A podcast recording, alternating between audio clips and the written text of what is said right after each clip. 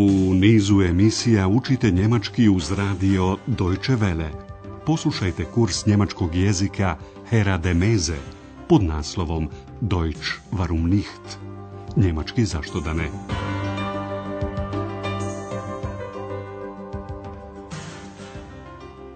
Liebe Hörerinnen und Hörer. Dobar dan, dragi slušalci. Danas ćete čuti lekciju broj 7 kursa njemačkog jezika Deutsch warum nicht pod naslovom Ti si čudan, du bist seltsam. U posljednjoj emisiji dr. Turman je pokazao veliko interesovanje za Andreasa. On mu je jučer postavljao sva moguća pitanja, poput onog čime se bavi, odnosno šta radi. Andreas je naravno odgovorio da studira žurnalistiku, da istražuje i piše tekstove i reportaže. Poslušajte prvi dio razgovora još jedanput. Sagen Sie mal, was machen Sie? Studieren.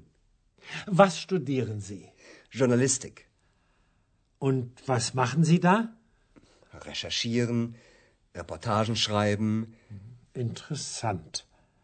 Sehr interessant. Čuli ste, doktor Turman smatra to veoma interesantnim.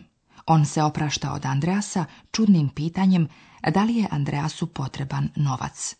Sie brauchen doch das Geld, oder?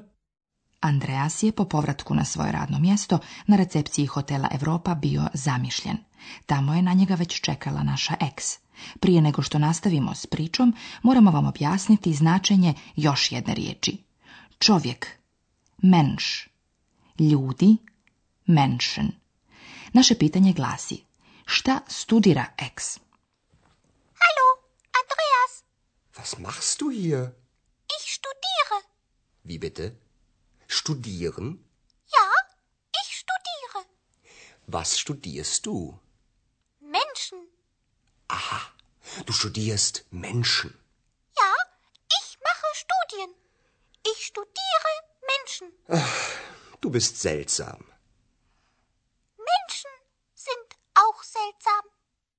Eks dakle studira ljude, a mi ćemo vam sada dati objašnjenja u vezi sa tekstom kojeg ste upravo čuli. Andreas je doktoru Türmanu rekao da studira. Eks je to isto rekla Andreasu. Ich studiere. Ich studiere. Andreas je ostao zapanjen, stoga još jedan put pita. Vi bite studiren? Kako molim te, studiraš? Vi bitte studieren? X potvrđuje da studira. Od Andreasa je razlikuje samo predmet studiranja. Andreas studira žurnalistiku, dakle jedan pravi ocijek na fakultetu, dok X, za razliku od njega, studira ljude. Poslušajte ovaj dio dijaloga još jedan put.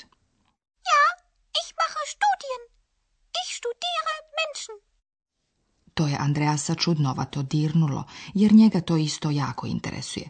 Zbog toga on pravi reportaže. Zamišljeno on kaže ex da je čudnovata ili čudna. Zeltsam. Poslušajte njen odgovor još jedanput. Možete li razumjeti šta je ex odgovorila? Ah, du bist seltsam. Menschen sind auch seltsam. Eks smatra da su ljudi također, auh, čudni. Ova pomisao je navela Andreasa na razmišljanje. Pošto u tom momentu nije bilo posla, Andreas je, naravno tiho, stavio svoju omiljenu kasetu i počeo da filozofira, a kao pravi filozof počeo je da postavlja pitanja. Kada je došao do pitanja kakav, vi je čovjek, Eks je požurila da odgovori na svoj način. Poslušajte ih šta o ljudima kaže naša eks. Menschen. Hm. Der Mensch. Hm. Wie ist der Mensch? Unhöflich, müde, interessant und seltsam. Wie bitte? Was? Der Mensch ist unhöflich, müde, sehr interessant, seltsam und neugierig. Ex dakle zna kakvi su ljudi, bolje rečeno ona vjeruje da to zna, da zna da su oni na primjer radoznali, neugierig. Pojasnit ćemo to detaljnije. Osnovno Andreasovo pitanje glasi kakav je čovjek. Wie ist der A eks nabraja sve moguće osobine čovjeka, od neučtivog do čudnog. Unhöflich, müde, interessant und seltsam. Andreas se trgnuo kada je čuo njen glas jer je bio udubljen u svoje misli. Kako, molim? Šta? Pita on pometeno. Vi, bitte? Was? Ex, međutim, i dalje opisuje ljude kao radoznale, neugierig. Der Mensch ist unhöflich, müde, sehr interessant, seltsam und neugierig. Ova posljednja osobina najprije se odnosi na samu ex. A sada ćemo vam dati objašnjenja za još neke glagolske oblike.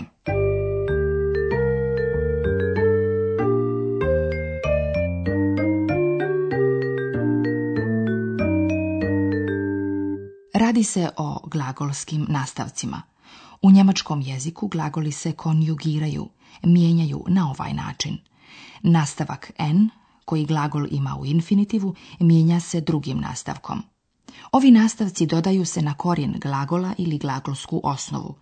Glagolsku osnovu dobijete kada od glagola u infinitivu odbijete nastavak n. Vi znate da se dr. Turman i Andreas oslovljavaju sa vi zi. Tada je N, glagolski nastavak koji dolazi uz vi, isti kao i kod glagola u infinitivu. Was machen Sie hier? Was studieren Sie? Andreas i ex se međutim oslovljavaju sa ti, du. Glagolski nastavak u tom slučaju je s t, st. Was machst du hier? Was studierst du? Naravno da je ex odgovorila na Andreasova pitanja. Ona odgovara u prvom licu jednine, koristeći ličnu zamjenicu ja, ih, i odgovarajući glagolski oblik, to jest odgovarajući nastavak. U ovom slučaju uz ja, ih, na njemačkom jeziku dolazi glagol na čiju se osnovu ili korijen dodaje e. Ich arbeite. Na našem jeziku je to M. Ja radim. Ich studiere. Ich studiere Menschen. Ich mache Studien.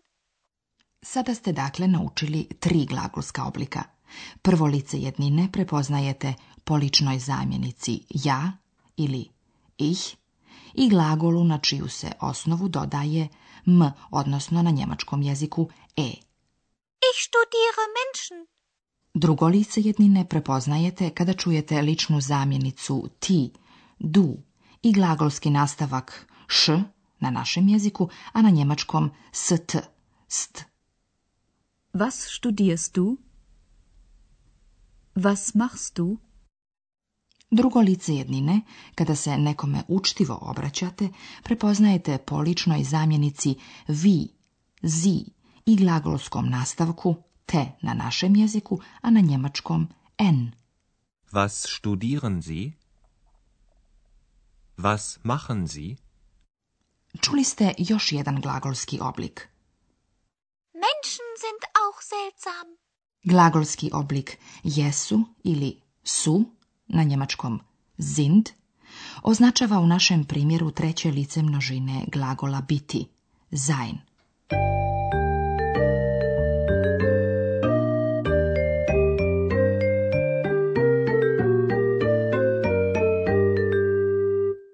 sada poslušajte cijeli razgovor između Andreasa i X još jedanput. Namjestite se što udobnije i pokušajte da zapamtite. Upijajte u sebe riječi koje čujete.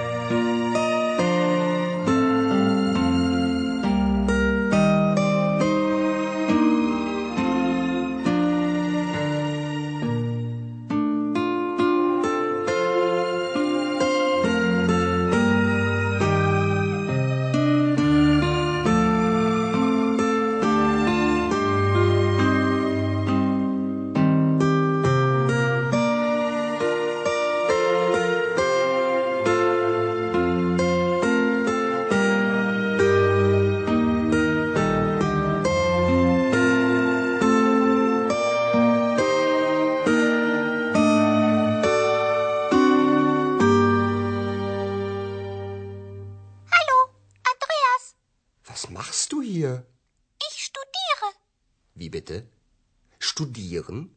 Ja, ich studiere. Was studierst du? Menschen. Aha, du studierst Menschen. Ja, ich mache Studien. Ich studiere Menschen. Ach, du bist seltsam. Menschen sind auch seltsam. I tako je Andreas nastavio filozofirati. Menschen der Mensch. Hm. Wie ist der Mensch? Unhöflich, müde, interessant und seltsam. Wie bitte? Was? Der Mensch ist unhöflich, müde, sehr interessant, seltsam und neugierig. Ali ostavimo oba filozofa za danas na miru. Doviđenja do sljedeće emisije. Auf Wiederhören.